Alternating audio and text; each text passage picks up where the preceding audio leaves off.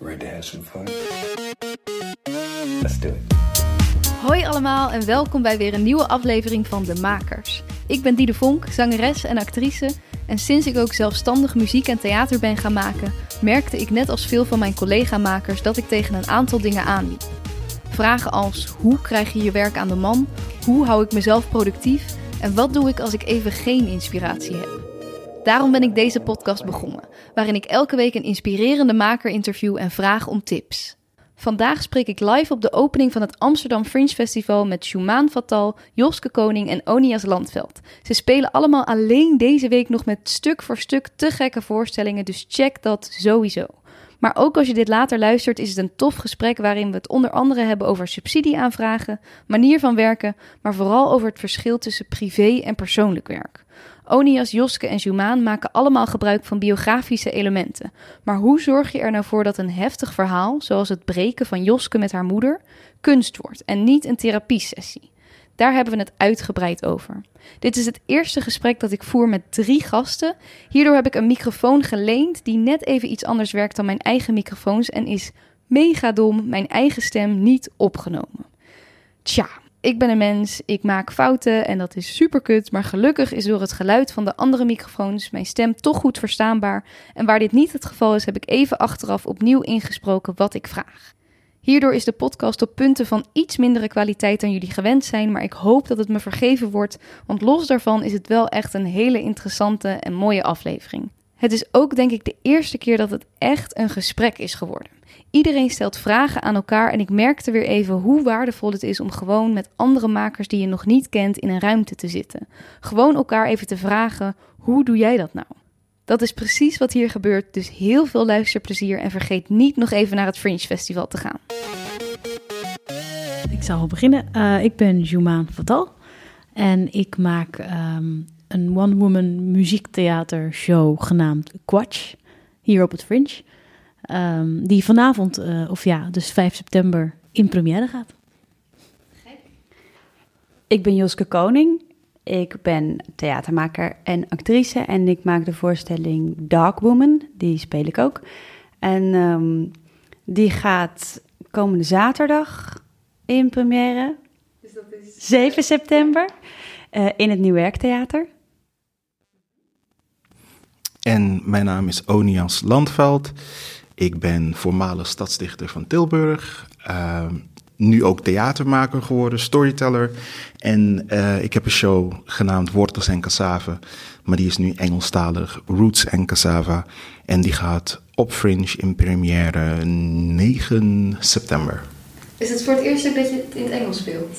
Uh, nee, ik heb hem vorige week zondag in het Engels gedaan in Mesrap. Mm -hmm. En dat was zeg maar uh, de eerste keer. Dat ging geweldig goed. Uh, nu nog dus Fringe uh, in Poetry Circle Nowhere in de Indische buurt hier in Amsterdam. En daarna door naar Ghana, Nigeria en als het goed is Suriname in november. Dus ik heb nog wel wat aankomen. Ja, ja. lekker. Oh, wat goed. Gewoon de hele wereld ermee over. Ja, ja. Dan ben ik eigenlijk meteen benieuwd hoe, ja, hoe, kom, hoe, hoe lukt het om je voorstelling in Ghana neer te zetten, Nigeria? Hoe heb je dat gedaan? Um, een hele speciale dame in mijn leven. wij, wij, wij zaten, daar, daar begint het altijd mee, weet je wel. Ach, een sterke man, maar dan heb je nog sterkere vrouw. Uh, nee, zij zei tegen mij, we waren uh, in Belmer Park waren we op een lezing. En er was een hele aardige dame daar van het AK Festival, de directeur. directeur. En uh, mijn vriendin stootte me aan en zei: Je gaat nu naar voren, want ik wil naar Nigeria. En ik ging niet. ik ben niet gegaan. Maar uh, we raakten wel in gesprek met de mevrouw. Ik heb uitgelegd wie ik ben, wat ik doe. En ze vroeg me wat informatie. En, en, toen ben ik geboekt in Nigeria. Wat betreft Ghana, dat is het Kwaku Festival. En daar ben ik nu bezig om een promo voor te schrijven. Um, en toen hebben ze me gevraagd: van, Nou, zou je geïnteresseerd zijn om daar ook een, uh, een deel van de show of de hele show te doen? En ik zei natuurlijk ja. Wauw. En je bent ook heel erg uh, nou ja, bezig met taal. En uh, is het dan niet gek om het opeens in een andere taal te moeten doen? Want meestal doe je het in het Nederlands, toch? Ja, nou ja en nee. Ik ben tweetalig opgevoed. Um, en ik, heb, uh, ik ben gewend in het Engels bezig te zijn. Ik heb ook een hele andere achtergrond. Ik, ik kom uit de hoek. Ik, ik heb internationale economie en financiën gedaan. En bedrijfskunde, technische bedrijfskunde, dat heb ik gedaan. En dan ben je constant in het Engels bezig. Ehm, dus Engels is mij niet vreemd. Het, het was wel een beetje een uitdaging om alles weer in, in rijmvorm, proza en een bepaalde stijl weer neer te zetten. Maar als je eenmaal mee bezig bent, dan rolt het er gewoon uit. Wat dat betreft ben ik gezegend, denk ik. En het, uh, het was een heel leuk proces. Dus nadat ik hem in Messerop heb gedaan, uh, smaakte naar meer en het ging gewoon goed. En voor jou is dit dus ook de eerste theatervoorstelling die je maakt, Uh, ja, eigenlijk is hij al in première gegaan in Belmer Park. Dat was, in, dat was 4 april, nee 13 april was dat. En ik had wel een kortere show, dat heette Verhalen van mij ontstaan. Maar dat was iets van 20 minuten en dat is meer spoken word, meer vertellen. Maar dit in, in zo'n hoedanigheid, werken met de regisseur en, en een set bedenken, een decor. Ja, dat is de eerste keer. Ja, want dat is voor jullie dames wel wat anders, denk ik. Joske, jij uh, vorig jaar prijs gewonnen op het Fringe Festival. Ja, dus, dat klopt. Uh, dus is het ook nu je tweede keer dan op Fringe? Ja, dit is nu de tweede keer op Fringe. En vorig jaar heb ik voor Song of the Sisters, die heb ik met mijn zussen gemaakt, die voorstelling. Uh, samen zijn wij nu collectief King Sisters, want we weten koning van onze achternaam. Uh, hebben we dat gewonnen voor die voorstelling. En dit jaar ga ik, heb ik een solo voorstelling gemaakt. En wat grappig is, we hebben onze voorstelling ook in het Engels gespeeld uiteindelijk. En ik vroeg me af, ik vond het um, toen we speelden heel. De eerste voorstelling was op Brighton Fringe. En ik ben niet heel veel met Engels bezig in mijn dagelijks leven geweest. en we hadden een coach gehad en alles. En toen we gingen spelen, dacht ik echt. Verstaan jullie dit? Snap je wat ik bedoel? Het over. Ik, dat, ik dacht, ze verstaan dit echt. Nou, heel gek was het. Natuurlijk verstaan ze het, ze zijn Engels. Maar gewoon omdat, je, mm, omdat er voor jezelf als speler dan een laagje ja. tussen zit of zo. Had je, dat, had, je, had je ook zo'n soort van dat je eventjes ergens doorheen moet? Nee, dat, dat is het. Ja. Want ik ben, ik ben gewend om in het Engels te spreken. En ik schreef in het begin ook in het Engels. Ah, ja. En dan, dan ben je dat gewend. Maar dit is de eerste keer dat ik echt speel. Maar als ik op het podium sta, dan trek ik mijn bek gewoon open en ik begin gewoon te praten. Dat is het. Ik, ik voer eigenlijk een gesprek met de mensen. Dus of ik het nou doe in het Nederlands of in het Engels, ik ga gewoon ratelen en dan, dan, dan komt dat eruit. Dus ja, precies. Wat, ik, ik ben het wat, wat gewend, zeg maar. Ja. Cool, dus je hebt het ook in het Engels gedaan? Ja. De vorige voorstelling? Ja, de vorige voorstelling hebben we in het Engels uh, laten vertalen. En uh, ook uh, op uitspraak gecoacht geweest. En omdat we toch onze ja, we waren toch de Dutch Selection, hebben we één scène waarin we ruzie krijgen. Daar vlogen we dan in in het Nederlands. Om toch Oh ja. je eigenheid daarin mee te nemen en dan weer corrigeren terug naar het Engels en zo. Had je het idee dat er ook anders werd gereageerd door het Engelse publiek? Omdat er misschien door taal weer andere ingangen waren gevonden? Of, of juist dingen werden gemist? Of die, die Ja, je had sowieso ehm, te maken met eh, dus andere lagen die we konden toevoegen. Eh, wat ik, van wat ik net zei, dat je toch het Nederlandse meeneemt. Of de ene zus spreekt het heel goed op het Engels uit en de ander kan dat niet zo goed. Dus dan heb je ook weer een nieuw spelelement. Ehm, maar wat ik vooral merkte is dat we in het aanbod van Brighton Fringe, eh, als je het boekje openslaat, heel veel comedy. Echt heel veel comedy. Brighton is echt de gay city, gay capital geloof ik, eh, van Engeland. Dus ook heel veel drag, queer, revue, circus, heel veel entertainment. En dan besef je dat Nederland echt een ehm, een heel alternatief en nog steeds. Kijk, ik vind natuurlijk dat veel beter kan allemaal. We kunnen echt veel beter worden ondersteund, het hele experimentele gebied. Maar vergeleken met Brighton Fringe, waren we echt wel, zeg maar, eh, weet ik veel, de Scandinavische arthouse die daar stond. Dus dat. En ik had het idee dat ehm, de Engelse, ons Engelse publiek, maar ik ken ze natuurlijk niet persoonlijk, eh, eh, de interdisciplinaire stijl die wij hebben vernieuwend vonden. Of dat spannend vonden dat je tussen, het was een muziektheatervoorstelling met zowel eh, veel beeldende elementen, geïnspireerd op beeldende kunst, met elkaar verweven en zowel een persoonlijk verhaal vertellen. Want we waren wel, zijn wel drie zussen op de vloer in die voorstelling. Dat dat nieuw voor ze was. Of, Ja. Was het niet te abstract dan voor ze? Dat ze, ze konden het wel aan? Nou ja, de relatie van ons drie is heel concreet. Dus daarmee, het, wat er verteld wordt, is heel concreet. Dus je kan daardoor dat heb ik ook met Dark Woman, wat er verteld wordt, is best een concreet uh, verhaal. En die tekst is ook concreet en dat geeft ruimte uh, ook aan je publiek om zichzelf ermee te verbinden als je muzikaliteit gebruikt, als je beeldende kunst gebruikt, waardoor je het open trekt. Althans, dat is iets wat ik ambieer in mijn werk. en omdat ik veel van beeldende kunst of experimentele muziek hou. En ik denk dat dat de focus van theater heel erg kan gebruiken om gezien te worden. En uh, ja. Zeker, denk ik ook. Verschilt, oh, sorry. Ja, nee. Verschilt uh, jouw stijl, wat jij nu gaat doen op Fringe, met uh, wat jij gaat doen met je zussen? Ik bedoel, ja, je speelt natuurlijk met drie man en dan, dan, dan is het anders ingezet. Maar de, wat jullie gebruiken op het podium, dus de, de, verschillende disciplines, heb je dat nu ook? Of is dat nou, is een heel in de groot... stoel, bij wijze van spreken? Uh, nee, dat is deze voorstelling niet. Nee, het grote verschil is, is dat wij Song of the Sisters echt met z'n drieën hebben gemaakt en ontwikkeld. Dus dat is al een enorm verschil. Dit concept is qua thematiek, mijn initiatief, het team is heel anders. Dus dat is heel verschillend. En um, uh, dus dit is niet een voorstelling van de King Sisters, maar dan alleen door mij, zeg maar. Zij zijn artistiek uh, dat niet. Maar natuurlijk zijn er ook raakvlakken. Want als maker uh, werk ik vanuit, of ben ik gefascineerd door de persoonlijke relaties die we hebben tot elkaar en de intieme relaties, omdat ik denk dat in de tijd waarin we nu leven, dat onder druk komt te staan, even lang verhaal kort, onder druk komt te staan door de individualisering. En tegelijkertijd een ontzettend diep verlangen is om deze banden beter te begrijpen en um, uh, de liefde te kunnen, te kunnen verdiepen. En um, uh, dus dat zit zowel in een voorstelling met mijn zussen als deze voorstelling. Die gaat over relatie tot mijn moeder. Kijk, ja. daar zit natuurlijk een parallel.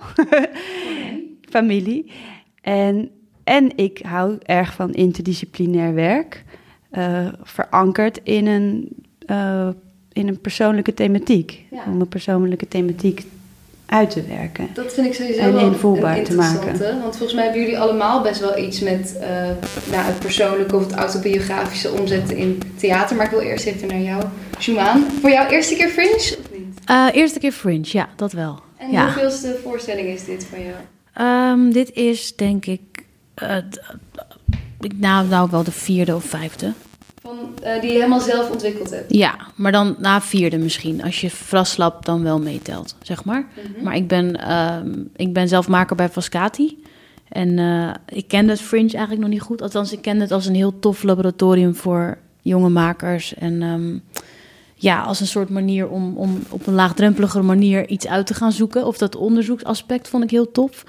Um, en toen dacht ik, nou ja, bij Vascati heb ik de luxe dat je zo wordt geholpen door een heel team van professionals die uh, eigenlijk alles voor je regelen. Ja, is dat zo bij Frascati? Als je ja, best wel. ensemble, jij ja. mag gewoon maken wat je wil en dan word je... Ja, natuurlijk overleg je over budgetten en zit je erbij als er begroting wordt gemaakt. Maar in principe, ik heb nooit een aanvraag. Ik heb, ik heb nog nooit een aanvraag gedaan, omdat ik, ik dat hoefde nooit, want zij krijgen daar... Ja, je wordt daar gewoon ik vond het, het is een enorm. Ik zie de andere Nee, maar het is echt een. Uh... Jaloezie in mijn. Nee, maar het is, uh, oh. het is een enorm privilege. Ja, ja. ja ik kan het geloven. Nee, maar ik, ik, ik, voel, ik, voel, ik, ik voel jaloezie omhoog komen. Maar dat snap. Nee, maar dat. Van kleur. Ja, maar dat, dat vond ik dus ook. Uh, ik dacht wel, goh dat privilege heb ik en dat, uh, dat is te gek en, en fijn. Maar ik dacht ook, ja, maar als ik daar eenmaal weg ben, dan weet ik straks misschien, voel ik me een soort Bambi op het ijs, snap je? Dan weet ik ook niet misschien hoe ik mezelf moet, dan is die zelfredzaamheid ook weg. Dus toen dacht ik, nou, het lijkt me heel tof om binnen de kaders van een fringe, waarin je dus ook op je bek mag gaan. Dat is dan ook weer het voordeel dat je, dat veel meer het onderzoek staat centraal, wat ik heel tof vind. Uh, om gewoon eens, ja, ga maar eens even leren hoe je subsidie aan. Gewoon waar we allemaal mee te maken hebben. Wat ik ook straks ga hebben als ik ooit, uh, als ik dit door wil zetten. Um, dus dat aspect vond ik heel tof aan het Fringe. Dat je eigenlijk met weinig middelen heel creatief moet zijn. Uh, en heel zelfredzaam en alles zelf produceert van begin tot eind. En ja. tot en met de posters aan toe, tot en met de begroting. je verdient zelf niks eraan. Dat hele aspect vond ik echt waanzinnig tof eigenlijk. Ja, dus dat was voor het ja. eerst eigenlijk dat je dat hele traject zo uh, doorliep. Ja. En ja. heb je voor deze voorstelling dan ook iets van een subsidie of een aanvraag gedaan? Ja, ik ben dus ondersteund ook door het, uh, uh, ja, door het Amsterdamse Fonds voor Podiumkunsten. Dus uh, ook aanvraag gedaan, net als iedereen. En uh, Ja. met ze op gesprek gegaan en dat hele proces en de begroting Doet maken. iedereen dat bij Fringe, bij je voorstelling? Dat veel mensen dat wel. Nou, als je het niet doet, Ja. dan kost het je geld. Ja. Ja, daarom. Ja, maar Zo dat is zo. is Nee, het. dan is het niet dat je niks verdient, dan kost het je gewoon geld. En zeker als je met een team werkt, ik vind, Ja. het, is, ik vind het heel belangrijk dat de mensen met wie ik werk, dat ik daar een langdurige relatie mee kan opbouwen. Dus ik streef ernaar dat iedereen, oké, minimum, Ja, ja, maar, maar wel, wel- eerlijk eh, betaald kan krijgen. Want dat Ja. verwacht ik zelf ook. Dat heb ik ook, ja. Bij Ja. Basically gaat al het geld gewoon naar mijn team. En als ik dan iets van kaartopbrengst heb, gaat dat eventueel naar mij. Dat heb ik ook, dat ik dat echt eh, super... Ja, dat is gewoon, dat zijn de mensen met wie je werkt die Ja. zoveel voor je Maar weet je dan ook al, als je, nou, je meldt je aan voor Fringe, eh, weet je dan al of je die subsidies gaat krijgen? Of wat is Nee, dan totaal niet. Nee. Ik heb ook één keer, jaren geleden, een boze aukje aan de telefoon gehad. Omdat het programma Broekje al gedrukt was. En ik geen subsidies had. Want toen, dat was voor het eerst dat ik aanvragen schreef. En wat had ik gedaan? Prins Bernhard Cultuurfonds aangeschreven. Oh ja. Veel te grote fondsen. veel te grote begroting. En, en, eh, ehm, eh, en toen heb ik gebeld en heb ik gezegd... Ja, sorry, ik kom niet. En... ehm, en ik wilde ook eh, geen concessies doen. Dus weet ik veel, een tekstpresentatie of zo. Ik dacht, ja, nee, het is voor mij alles of niets. en dat is, ja, dat is echt... eh, we staan nu weer op goede voet. Maar dat, was- dat was even... Was even van, oh, Ik dacht wel, of sta ik nu op de zwarte lijst? Shit. Maar eh, ja, ik denk voor maken gewoon heel belangrijk is dat je trouw blijft aan het product wat je wil maken. Zeker. En als het er niet in zit, zit het er niet in. En soms is dat eh, balen van al het voorwerk wat je hebt gedaan. Ja, en dat is best wel lastig. Dus in dit stuk vraag ik ze eigenlijk, hoe doe je dat? Want soms ben je al best een tijdje met iemand aan het werk. Eh, hoe doe je dat als je bijvoorbeeld een regisseur erbij vraagt of een tekstschrijver? Vraag zeg je dan van tevoren, ik kan jou zoveel bieden, zelfs als je het nog niet weet? Eh, of hoe ga je eigenlijk open dat gesprek aan? Als je maar open kaart speelt, denk ik. Ik denk als je gewoon zegt... luister, ik ben nog in subsidieaanvragen bezig. En ik zeg dan echt oprecht gewoon... want ik denk als ik geen subsidie had gehad... had ik het echt helemaal zelf gedaan. Met dus de consequentie dat het waarschijnlijk... nou, weet ik eigenlijk wel zeker... kwalitatief gezien gewoon minder goed zou worden. Maar dan, ik zou, ik zou me echt schamen... als ik mijn mensen dan inderdaad niks had kunnen bieden... terwijl ze wel al zoveel werk voor me hebben gedaan. En ik denk wel dat je open kaart moet spelen, want dat gebeurt zelf heel vaak. Gewoon ik als actrice heb wel eens gehad dat ze dan dat ik al helemaal mijn agenda had vrijgehouden en een soort van werk erin had gestopt en dat je achteraf dan hoort, ja, we hebben de subsidie niet gekregen, sorry. En dan denk ik, ja, dan heb je niet open kaart gespeeld met Ja. mij. Ja, Nee, dan wist je ook niet Ja. dat dat eventueel aan de orde zou zijn. Ja. Ja, ik heb ook geleerd van eh Kobi, dat is de directeur van het Huis Utrecht... ehm, dat je dan een eh, go or no-go datum moet eh, oh ja. vastzetten. Dus je weet, oh ja, eh, dit zijn alle subsidies, maar dan weet ik die. Dus als ik zoveel heb, kan ik het ook doen. Dus dan kan ik mijn team een go geven. En als ik dat dan nog krijg, dan kan ik ook de posters laten drukken, bij wijze van spreken. Ehm, en dat vond ik heel confronterend om te doen, want dan Mm. bestaat ineens zo'n datum. Maar ja. Ja, dat is wel goed, denk ik. Dat is wel een goeie. Dus een go of no-go. ja, dus kijk, met welk minimaal budget Ja. kan ik het maken? Precies. Wanneer weet ik dat uiterlijk? Ja. Dan is dat de dag dat ik beslis of het doorgaat of niet. En als er dan nog bij komt, dan word ik zelf ook betaald. Hier vraag ik ze naar hoe zij die balans houden. Want als maker tegenwoordig heb je natuurlijk vaak veel verschillende petten op. Zeker in de aanloop naar zo'n festival. Je bent bezig met een posterontwerp, je bent bezig met kaartverkoop. Uh, maar uh, hoe hou je dan toch de balans tussen uh, ja, dat je eigenlijk vooral bezig bent met de inhoud van je voorstelling in plaats van alle randzaken eromheen? Hoe doen zij dat? Um, ja, switchen. En bijvoorbeeld op een dag van vandaag, als vandaag, dat ik, ik heb om tien uur mijn première.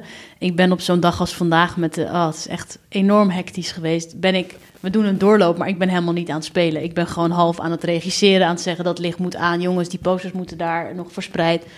Dus ik weet dan, oké, prima. Ik ben nu even niet de actrice, maar als eenmaal één uur voor aanvang, als het gewoon alles gefixt is en het publiek is geregeld en zo, dan zeg ik, oké, okay, maar nu doe ik alleen de actrice pet op, want anders... Ja. En dit is op zich wel een ding wat ik ook bij Vascati altijd had, dat, dat je daarin op zich wel meerdere petten op hebt. Want je moet ook vanuit de regisseurspet tegen de productie zeggen wat je wil. En dan weer een andere pet op. En dan gewoon op de vloer Ja. jezelf regisseren. Je hebt En- geen eindregisseur bij deze voorstelling. Nee, bij deze niet. Nee. Ja. Bij Vascati destijds wel, maar eh, nee, bij de, omdat er dus geen geld was. En ik vond muziek belangrijker. Ja. Ja, Ja.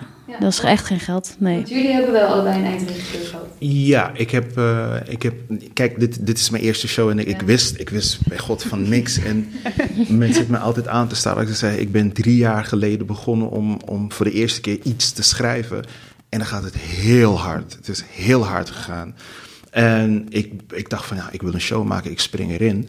En gelukkig had ik wel mensen om me heen. Ik, eh, ik, ik ben de coach geweest bij Poetry Circle.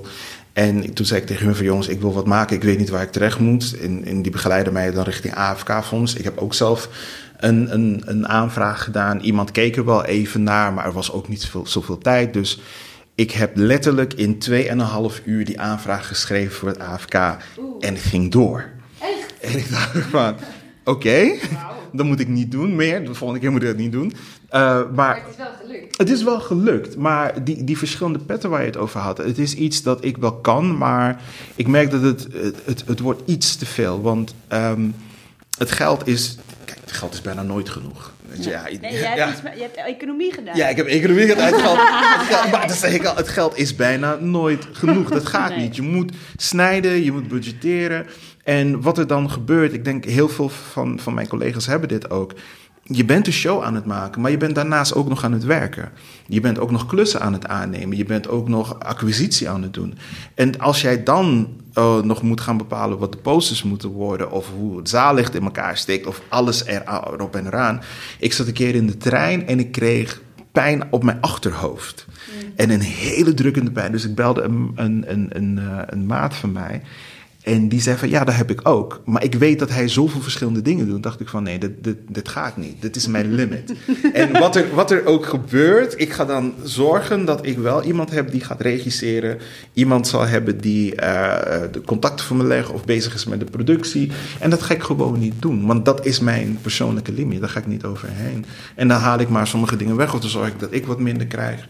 En dan heb ik nog wat tijd om iets anders te doen. Maar kan je dan die controle loslaten? Nee.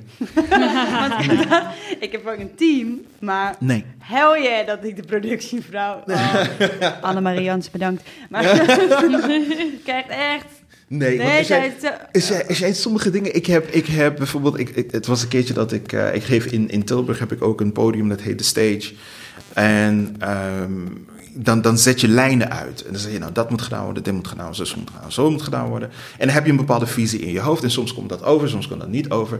En dan merkte ik dat ik sommige dingen nog steeds aan het doen was. Ondanks het feit dat dat Ja. de job was van iemand anders. En dus die controle los, dat, dat moet ik nog leren. Maar als ik dat niet doe, weet ik dat ik, eh, dat ik ga opbranden. Dus ik moet, ik moet dat loslaten. Ja.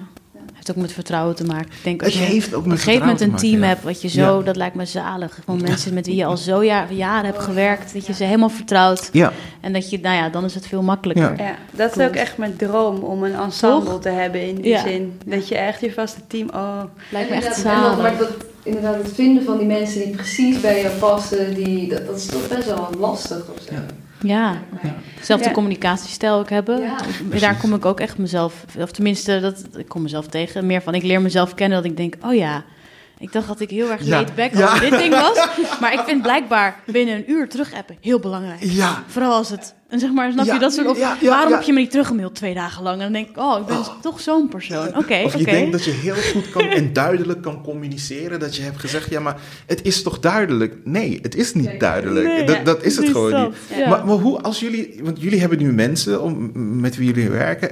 Draag je, heb je niet een bepaald verantwoordelijkheidsgevoel? Van, shit, als dit niet goed gaat, dan, dan hebben zij daar ook last van. Of heb je iets van, iedereen doet zijn eigen ding, doet zijn werk. En ik, ik functioneer hoe ik moet functioneren.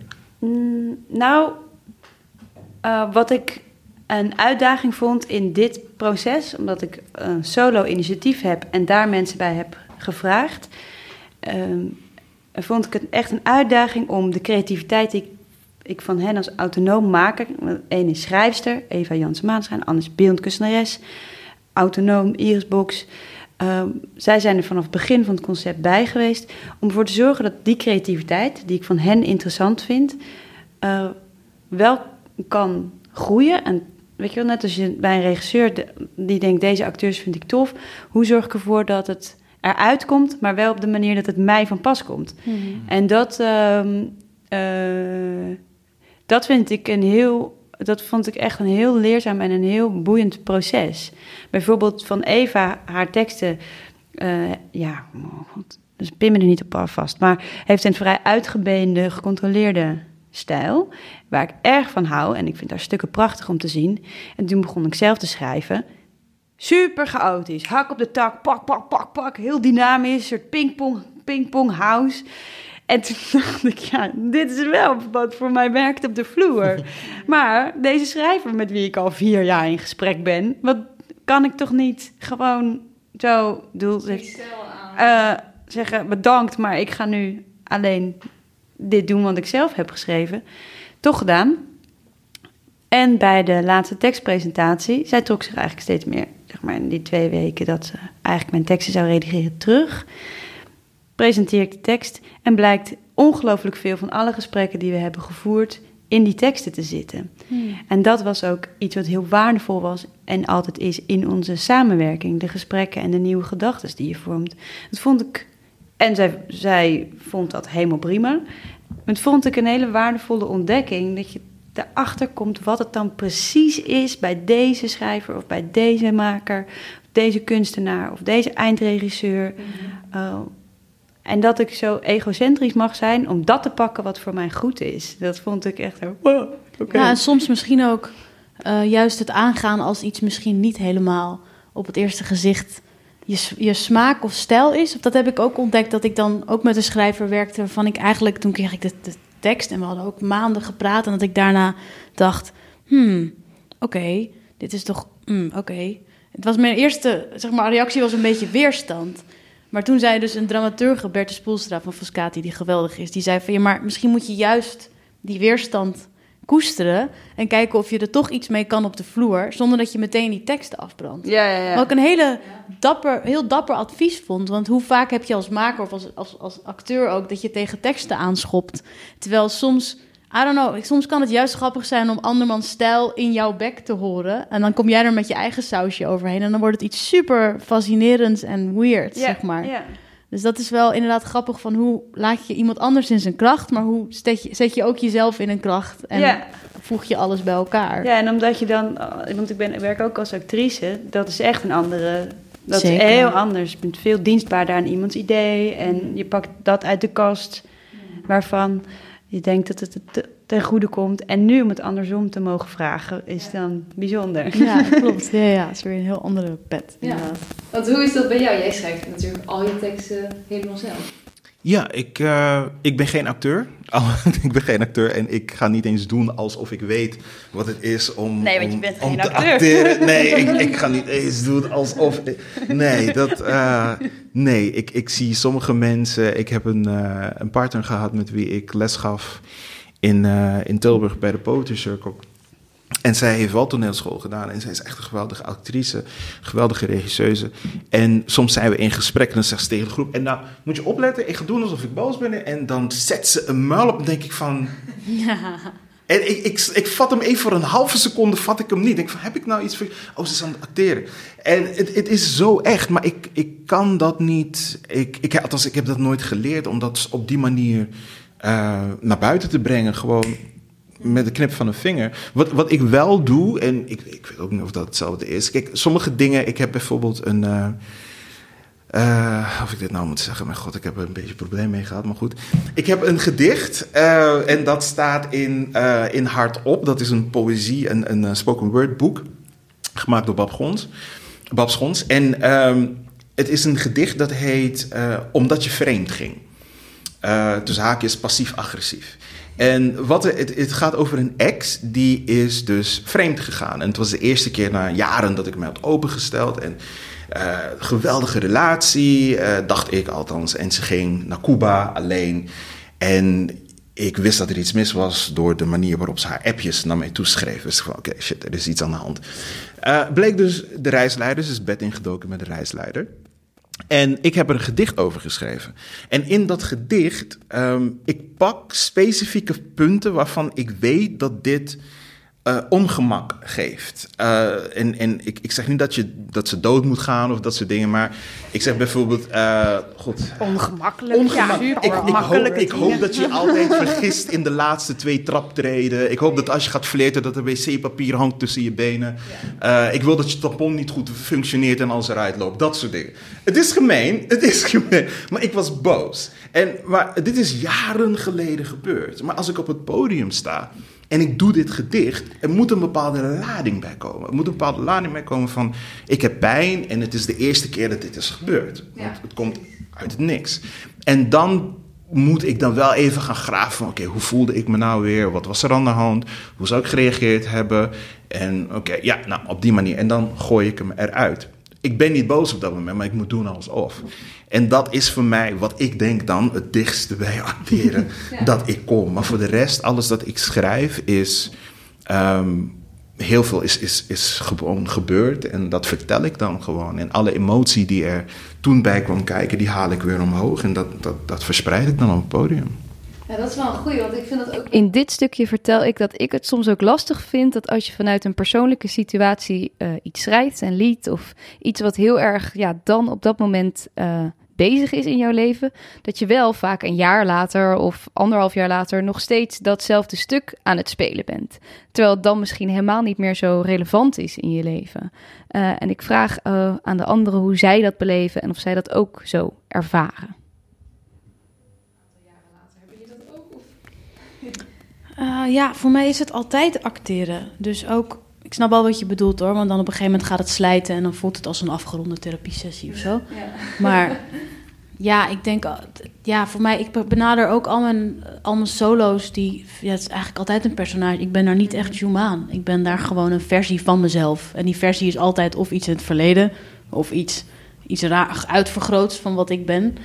Uh, ja, dus voor mij is het altijd redelijk fictief en moet ik dan dus altijd acteren, zeg maar. Ja, ja nee, dat snap En soms heb ik dan heus wel dat ik op zo'n dag opeens iets echt voel. Of dat er, weet ik veel, iets gebeurd is op een dag wat weer relateert aan wat ik aan het spelen ben. Maar voor mij is het altijd, uh, ja, niet kunstmatig. Het voelt wel echt, maar je acteert het gewoon. Ja. En dat, dat, dat stuk dat je nu gaat doen, dat is ook echt acteren? Of is dat... Uh, het stuk wat ik nu ga doen is zeker, ja, want zo benader ik eigenlijk alles. Um, maar het, is, ja, het, gaat over Jumaan, of het personage Jumaan, die door, uh, die door Amsterdam, of eigenlijk een grote stad, naar huis loopt, s'nachts, na een foute borrel. En die allemaal personages tegenkomt um, waar ze gedachten over heeft, of oordelen, of uh, angsten, of uh, um, wensen, dromen. Uh, en dat is eigenlijk de solo. Dus dat, uh, en het, voor mij was de focus nu meer echt op muziektheater, op eigenlijk nummers maken. Ik heb gewoon gezegd, ik wil tien nummers maken. Ik maakt even niet uit hoe goed of niet goed ze worden, maar ik wil me richten op spoken word rap-achtige teksten. Ik wil me richten op muziek en die vorm eigenlijk met elkaar vermengen tot iets theatraals. En kan dat, zonder dat het alleen maar kleinkunst wordt. En is dat erg? Maar hoe, ja, hoe doe je dat? Hoe ga je van een rap over naar een kleinkunstnummer... naar gewoon super puur theater, een monoloog doen? Hmm, uh, en hoe ben je dat gaan doen? Je, vanuit teksten of speel je instrumenten? Uh, beide. Eigenlijk is nu... Normaal werk ik altijd vanuit tekst. Mhm. Maar nu was het de eerste keer dat ik ook gewoon vanuit, uh, weet ik, een melodie of zo... of dat ik gewoon op de piano ging pingelen en, of muziek ging produceren... een toffe beat vond of een raar geluidje had gevonden... en dacht, oh, dit doet me denken aan weet ik, het kapitalisme waar we nu allemaal mee in zitten. Dit klinkt als een soort geldgeluid. Oh, ik vind het wel lekker smeuig klinken. Als ik hier nou een soort sample bij zoek van de McDonald's... en dat sample ik dan tot dit... en dan wordt dan een soort gekke soundscape. Dus nu was ik veel vormelijker dan wat ik normaal doe aan het werk. Ja. En uh, van daaruit weer een tekst en dan weer... of een hele ritmische tekst hebben gevonden... en daar een toffe beat bij zoeken. Mhm. Uh, dus dat is, ja, ik vond het wel echt een heel tof onderzoek, noem ik het nog steeds. Want ik weet nog steeds niet of het af is. Maar... Uh, En op zo'n moment, ja, ik speel dan wel. Maar, het, ik, ik treed ook op, wat toch gek is. Ja, wat wil jij Klopt, nou, maar... Het is, het is, heb je dan niet iets dat...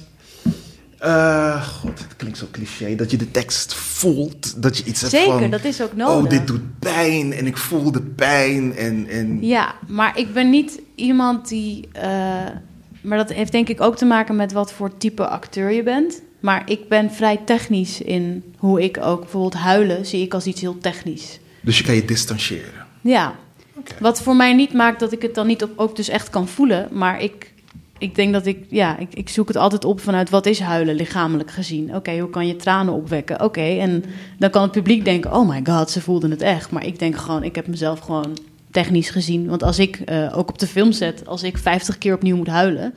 Dan kan ik nooit al- elke keer weer uit mezelf halen. Althans, ik ben dan leeg na vijf keer.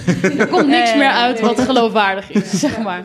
Maar verschilt, ja. verschilt jouw, tussen aanhalingstekens, huilgezicht dan van jouw echt huilgezicht? Ik denk het niet. Of is dat... Ik zal mezelf even filmen.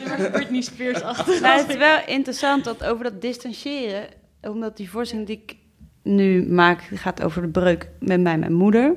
En die tekst is een, of het, het leeuwendeel van de voorstelling eh, bestaat uit de vragen waar je je toe moet verhouden als je zo'n beslissing maakt. Dus je komt langs, je komt langs zoveel vragen, toekomstvragen, vragen ten opzichte van je familie, ten opzichte van je moeder. Ehm, ten opzichte van jezelf, je eigen toekomstbeeld naar je eigen kinderen. Zouden je kinderen dit bij jou doen? Eh, Of blijft je dit bespaard? Ehm, als jij dat zo erg zou vinden, is het dan niet het vreselijkste wat je je eigen moeder aan kan doen? Dat je, je gaat langs een heel arsenaal aan, eh, aan vragen, die ehm, natuurlijk een emotioneel proces hebben gehad. Om, weet je, die zijn in, in, een, nou, een traject van zeven jaar, is dit inmiddels al, ehm, zijn die de revue gepasseerd. En eh, ik merk dat de tekst zelf, om te, s- toe te spitsen op wat voor vragen je langs moet, er vragen zijn die niet alleen op mij van toepassing zijn. Ik hoop niet dat iedereen al deze vragen hoeft te werken, want ja, ik bespaar het je graag. Oh, en daarin is het zoeken van hoe ver. het was ook een, een interessant en redelijk zwaar proces. Hoe ver eh, laat je de, het eigen leven toe? En hoeveel, ehm, hoeveel hou, je voor je, hou je voor jezelf?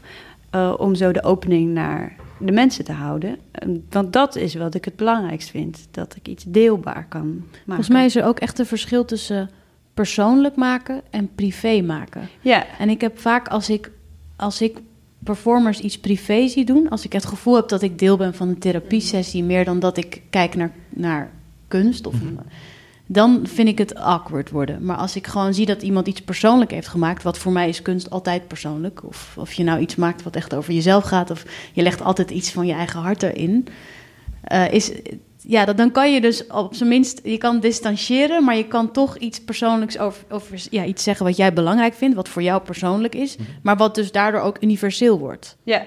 En het is Terwijl soms privé is zo dunne- privé dat je echt denkt, maar waarom ben Ja, ik maar hier? ik snap wel dat het soms een dunne lijn kan zijn. Ja. want je Ja. wil wel inderdaad jouw eigen verhaal erin Het heeft vaak al te maken met de intonatie. Dus de tekst is Mhm. hetzelfde en dan is het de intonatie of de plek waar je staat. Of daar ben ik ook blij dat ik als heel eh, technisch actrice eh, getraind ben. Ehm, waardoor je met je professionele oog Precies. daarnaar kan kijken. En En communicatie, heb je eigenlijk meer behoefte aan dat je, doe je dit omdat je zelf dat wil, of doe je het omdat je met je publiek wil communiceren? En dat Precies. is ook het Dat is verschil een heel tussen groot privé en verschil. persoonlijk. Maar waar, waar Ja. bepaal je dan... eh, Oké, ik kan me voorstellen dat het geen harde lijn is. We hadden een keertje een, ehm, een workshop van Tjitske Jansen. En die zei haar schrij... Haar, haar- nou, degene van wie zij heeft eh, leren schrijven... althans die ook lessen gaf van haar... die vroeg altijd aan zijn studenten... ehm, zou je in staat kunnen zijn om eh, het verhaal te schrijven... over hoe jij vreemd bent gegaan met jouw beste vriend of beste vriendin? Als je weet dat het zijn of haar huwelijk zou verpesten. En sommigen zeiden nee. En toen zei hij van nou, dan kan je geen schrijver zijn, want het gaat om het verhaal. Dus ik, ik, heb een, ik heb een deal gemaakt met het podium en, en met het publiek. En dat is, ik zeg, ik strip me tot mijn Adams kostuum, figuurlijk. What you see is what you get. Omdat wat ik mee heb gemaakt, grote kans dat jij het ook mee hebt gemaakt. In een andere vorm, dat wel. Maar het moet iets herkenbaars zijn. Maar waar ik mee eh, worstel, dat is, er, er zijn een aantal verhalen die ik heb. En die vind ik heel goed. Als, als verhaal, verhaal. zijnde, Ja. als verhaal zijnde, als je verhaal. namen weghaalt en je zet Pietje en Marie, is het een geweldig verhaal. Maar hoe zet ik dat neer zonder dat ik mensen kwets. En als ik een speler ben in dat verhaal, in de zin van het, ik, het is met mij gebeurd, maar een andere persoon was ook deel daarvan. Ik bezit technisch gezien de helft van het verhaal. En ik mag dat toch wel vertellen, maar hoe wordt dan wat is dan privé? Wat is dan persoonlijk? Want jij zegt net van, als ik, denk het gevoel als dat ik een therapiesessie inga... Ja, ik denk als jij het publiek kan laten twijfelen of het echt... Als, als zij weglopen met het idee, hmm, zou dat echt gebeurd zijn of niet? Dan heb je het goed gedaan. Maar als zij eigenlijk weglopen met het idee, oké, dit is dus echt gebeurd, heftig, oké. dan was het privé. Denk, dat, is, dat is mijn scheidslijn. Hier maak ik de opmerking dat als je er zelf nog echt middenin zit en het zelf nog niet echt hebt verwerkt en het publiek dan zit te kijken naar ja, meer een gekwelde man die op dat moment echt al die emoties door aan het gaan is, in plaats van iemand die er iets van heeft kunnen maken, dat het dan misschien privé is.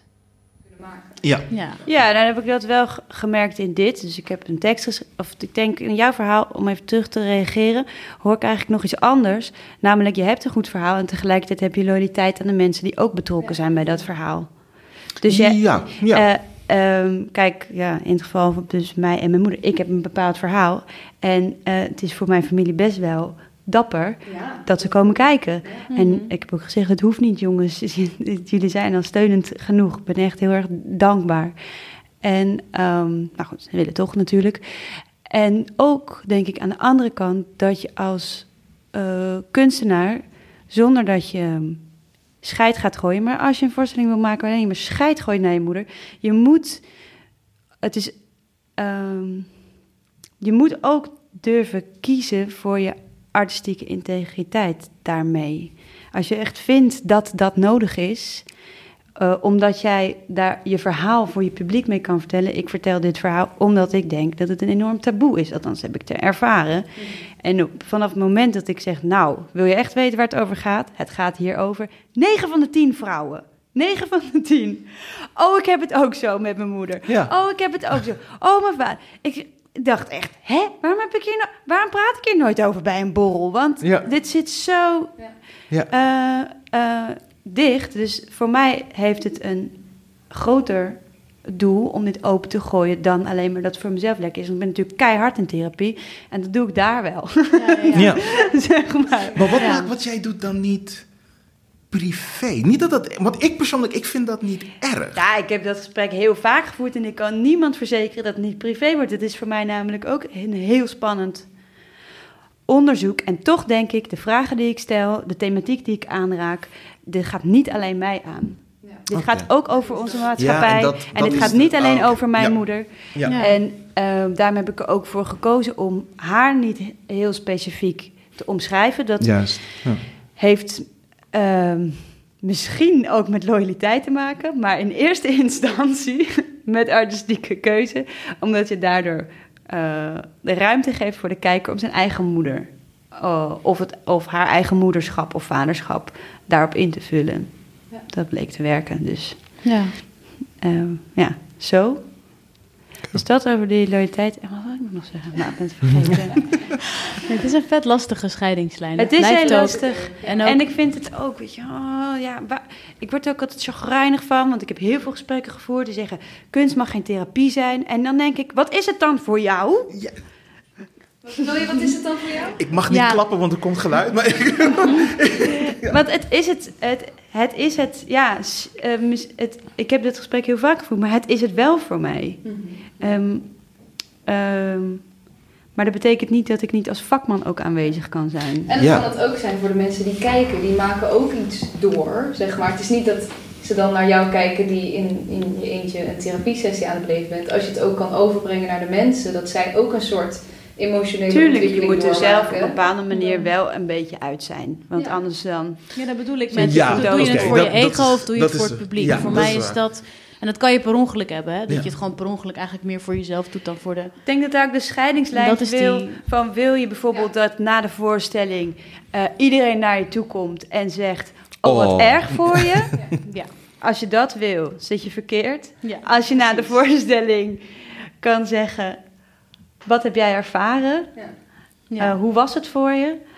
Dan vind ik het een, an- dan is het iets anders. Ja. Dus er is een verschil tussen als maker kunnen zeggen alsjeblieft En als maker zeggen dankjewel. Ja, je ziet het gelijk als iemand gaat huilen op het, voor, op, de, op het podium. Kijk naar me, kijk wat ik heb meegemaakt. Oh, arme ik. En dit. Want het is Ja. helemaal niet erg om kunst als therapie te gebruiken. Natuurlijk niet. Want Ja. ik bedoel, ik, ga ook, ik zoek het meteen in de kunst als ik me kut voel, zeg maar. Ja. Ja, Maar dat dat wil niet zeggen dat ik dat ook aan het publiek laat zien. Ja, oké. Dat is niet altijd... Dat hoeft niet met, meteen artistiek ook het interessantste te zijn. Dat Dat, is bedoel zo. ik eigenlijk. Ja, Ja, dat ja. is absoluut Ja. zo. En Ja. dat is dan nog wel het verschil tussen professionaliteit of het... Of nou ja, dus persoonlijk, gewoon persoonlijk, wat heel belangrijk is in elk ding wat je maakt. Of het privé.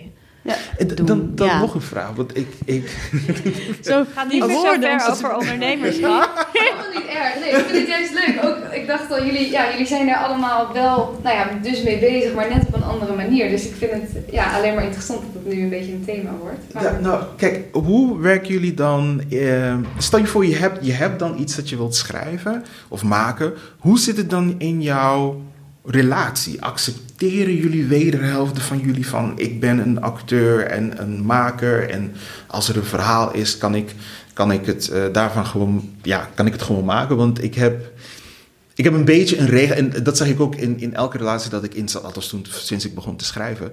Every girl gets a poem. That's the deal. Every girl gets a poem. Daar zijn ze zich van bewust. Ze vinden dat oké. Of het een goed gedicht, het het is een goed gedicht, maar of het gedicht nou Hoe flatterend beter de is relatie, hoe of beter niet. het gedicht. of niet, ja, dat ligt aan wat er is gebeurd. Dat ligt aan wat er is gebeurd. Dus every girl gets a poem. Dus dat gedicht met mijn, met mijn ex-vriendin, ja, dat is gewoon onderdeel van mijn leven. Dat is, dat is wie ik ben. Ik, ik vertel verhalen. En als er een goed verhaal is, omdat jij iets kloten hebt gedaan, of er is een goed verhaal omdat je mij croissants hebt gegeven op bed, bij wijze van spreken, dan schrijf ik dan, dan maak ik dat gewoon. Maar hebben jullie iets van, eh, oké, ik alles mag ik over schrijven, maar dit zijn de grenzen. Ik ga niet met mijn partner, die moet niet bemoeien, of ik schrijf niet over jullie. In dit stukje vertel ik dat ik persoonlijk wel eens eh, liedjes schrijf over mijn relatie. En eh, check het op Spotify. Nee, dat ik één nummer heb eh, die ik ook heb gebruikt in een voorstelling. En dat ik daar niet per se toestemming om heb gevraagd bij mijn vriend. Maar dat ik dus ook niet echt één op één onze situatie kopieer naar een lied. Ik heb wat elementen gebruikt, maar verder is het wel echt. eh, heb ik het veranderd om het meer theatraal te maken. En is het dus niet één op één onze situatie, maar is het eh, ja, een, een deel van onze situatie geworden, wat ik dus heb om kunnen zetten in een liedje en daardoor bruikbaar is voor in het theater. Maar dat is dus niet letterlijk onze situatie en daarom is het denk ik voor hem ook oké en niet ongemakkelijk. Dat je echt heel erg één op één gaat zeggen, nou, zo, zo zit onze relatie. Het is ook niet dat je hem verrast zo van... En daarom haat ik jou, want je stopt de dopjes nooit op de tandpasta. Dat is Nou ja, daarmee, maar ja. daarmee is het podium natuurlijk ook een gevaarlijk soort plek. Eh, ook voor de mensen die van je houden. Om- Als je daar je Zeker. persoonlijk, je Ja. persoonlijk verhaal vertelt, jouw relaas. Eh, ze, ze hebben te zitten en ze hebben er en, en er te zijn, zeg maar. Ja. En andersom kan het ook zijn dat je wil dat iemand niet komt. en als hij er is, dan heb je daar niks op in te, heb je daar niks tegen in te brengen. Maar inderdaad, je, nou ja, weer Ja, het ligt ook aan de persoon hoe die daarmee omgaan, denk ik. De ene vindt dat misschien heel heftig. En Ja. de ander, ja. Maar het is niet dat jullie hun betrekken bij wat je gaat doen. Van schat, hey, kijk eens wat ik heb geschreven. Dit ga ik doen volgende week of zo. Nee, grappig genoeg. Ik heb dus wel een liedje voor mijn vriend geschreven, maar die is echt alleen voor mijn vriend gebleven. Want grappig genoeg, als ik dat dus zou gebruiken bij Quatsch, wat zomaar zou kunnen, dan voelt het voor mij alweer, dan is het niet meer speciaal voor hem, snap je? Dat snap ik. Ja, ja, dat is Terwijl het best een tof nummer is wat ik zou kunnen gebruiken, maar meer van, dan heb ik, en ik heb wel een liefdesnummer in Quatsch, maar dat gaat over, dat is een ode aan de liefde in een grote stad, waarbij je dus bij elke plek al je exen zijn verspreid in, als herinneringen zo over de stad. Ehm, Ja. dus voor mij is het dan ook in een vorm gegoten eigenlijk. Maar het liedje wat echt specifiek over hem gaat, heb ik alleen aan voor hem hebt geschreven. Precies, dat, Dat heb ik ook alleen voor hem gespeeld. Ja. En dat is ook voor niemand anders. Want dat zou dan weer, ja, dat zou grappig genoeg het privé eh, weer verbreden. Of ja. Hier vertel ik dat we helaas een beetje richting afronden moeten gaan. Uh, maar ik ben tot slot nog wel heel erg benieuwd wat voor adviezen zij hebben meegekregen waar zij heel veel aan hebben gehad. Of hebben ze juist misschien adviezen uh, ja, waar ze niks mee konden. En ik zie Joske gelijk lachen. Nou, ik had een keer eh, aan iemand gevraagd: Oh, als ik dit voor jou doe, wil jij dan mijn aanvraag doorlezen? En ehm, ik zou. En eh, die had er dan dingen op gezegd en die begreep van de ballen niet waar mijn concept dan over ging. Of had hij helemaal geen affiniteit mee.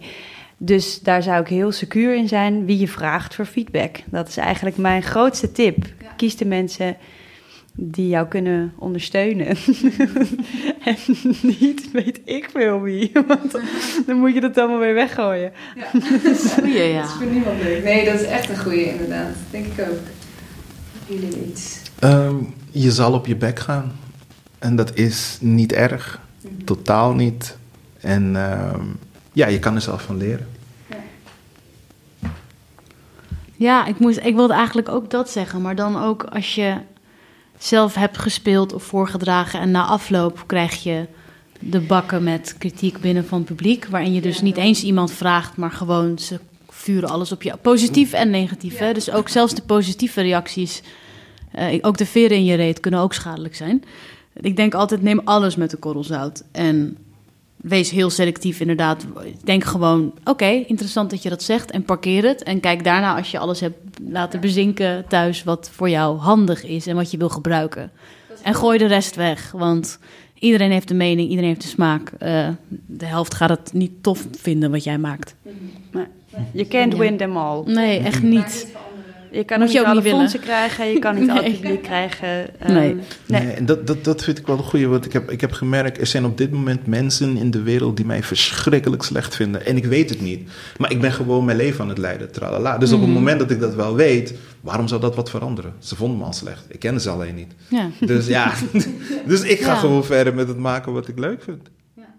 Hier vat ik even samen wat ze net allemaal aan tips hebben gegeven. Dus wees secuur wie je om feedback vraagt. Neem het altijd met een korrel zout. En verder, je gaat toch nooit iedereen tevreden stellen of jouw fan maken. Dus maak gewoon wat jij wil maken. Daarna vraag ik of ze nog iets kwijt willen over hun voorstelling op Fringe. Waar kunnen we ze zien en waar gaat het over? Ik heb gemerkt, ik heb eigenlijk dit verteld waar het over gaat bij mij. Bij mij. Heel geheimzinnig. Eh, ja, wortels en cassava, zo heet het in het Nederlands. In het Engels is het roots en cassava. Het is een, eh, ik vertel eigenlijk, eh, het is onderdeel van een set verhalen, verhalen van mijn ontstaan. En dit is eigenlijk het onderdeel dat gaat over het ontstaan van mijn naam. Ehm, ik ben hier naartoe gekomen als vluchteling uit de burgeroorlog in Suriname. Ik was toen vier jaar oud. En heb een aantal dingen meegemaakt. We gingen naar Venlo, of all places. Venlo. Oei. Oh, ja. Oei. Oei. Oei. Oh god. Ja, we gingen naar Venlo of all places, verhuisden toen naar Utrecht, weer naar Suriname, weer naar Nederland. En dan word je een soort van schizofreen. Je krijgt, je, krijgt verschillende culturen, verschillende talen, daar heb je mee te maken. Ehm, ik spreek uit van mezelf zes talen. De taal van mijn vader, mijn moeder, Surinaams, Nederlands, Engels, een beetje Duits, een beetje Frans er doorheen. En dat, dat zorgt voor een heel ander wereldbeeld. Maar ik merkte ook dat toen ik naar Nederland kwam, dat ik begon te assimileren. En je verdwijnt. Want je moet verdwijnen, anders kom je niet mee. En daar, daar vertel ik dan over. Ik vertel over een stukje eh, slavernij. Hoe, hoe de oma van mijn oma van mijn oma van mijn oma in Suriname is beland. Hoe ze de plantage is ontvlucht. Wat is het verhaal daarachter? Ehm, als men bijvoorbeeld de naam Landveld hoort, denken ze dat het een Nederlandse naam. Dat is het totaal niet. Daar zit ook weer een verhaal achter. Ehm, en ik ga er doorheen eh, met een lach en een traan. Dus eigenlijk 34 jaar geschiedenis. Het verschil met eh, de eerste set verhalen die ik had, ja, die hadden te maken met de liefde. En dan was het meer in het hedendaagse gesitueerd. Nu, nu vlieg ik van 1683 naar 2014 en terug. En daar, daar maak ik dan een, een verhaal over. En daarom heet het wortels en cassava. Want ik heb wortels verschoten in Nederland. Maar ik heb cassava roots in Suriname. Eigenlijk roots en cassava, daarom. En, dus, eh, eh, en het is in het Engels. Dus ik wil zeggen, als je mensen kent die eh, Engelstalig zijn... uit Caribisch gebied, Afrika... kom kijken, expats. Het wordt heel erg leuk. Cool. Jullie nog iets, uh, dames? Eh, nou, gaan we door naar de reclame, toch? Daarvoor zijn wij hier. wanneer spelen jullie allemaal en waar waar kunnen mensen jullie zien? Dogwoman speelt in het Nieuwwerktheater in Amsterdam Centrum Oost. Het speelt 7, 8, 12 en 13 september. Je kan een kaartjes kopen via de Fringe website. En uh, is een uh, samenwerking met Iris Box, Eva Jans Maanschijn en in eindregie van Espen Jort en een co-productie met het Huis Utrecht en Stichting King Sisters. en het gaat over de vraag, kan je breken met je moeder? Oké. Ja, with a happy note. Nou, weet je, ja, het is een, het is een uh, interdisciplinaire voorstelling. En uh, hoewel het onderwerp van zichzelf uh, ja, zich niet zo aandient om de dag mee te beginnen, is het, ik kan zeggen, is het geen zware pannenkoek van een voorstelling. Maar wel een die de scherpe vragen durft te stellen over oude-kindrelatie. Heel mooi, dankjewel. Oh ja, een goede afsluiter. Uh, Quatsch. Quatsch is, een, uh, uh, ja, is te zien op 5, 6, 9 en 10 september in Doka. Lekker in de rokerige kelder van het Volkshotel. Um, ja, eigenlijk hoe rokerig en smoetselig die kelder is, is ook een beetje de voorstelling. Het gaat heel erg over een wandeling door de nacht, door een grote stad. Een individu versus ja, je verliezen in de grootheid van een stad. Uh, hoe eenzaam eigenlijk iedereen is. Het gaat eigenlijk over eenzaamheid. Ja. En tot slot wens ik ze natuurlijk nog heel veel succes op het Fringe en dank ik ze voor het leuke gesprek. Dankjewel. Dat was hem. Hopelijk ondanks de microfoonblunder toch een waardevol gesprek. Voor mij in ieder geval wel. De discussie over of kunst wel of niet therapie zou mogen zijn, vind ik super interessant.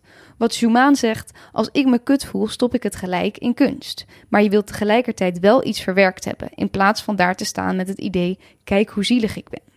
En zoals Onias zei, er is een verschil tussen als maker alsjeblieft te kunnen zeggen of dankjewel.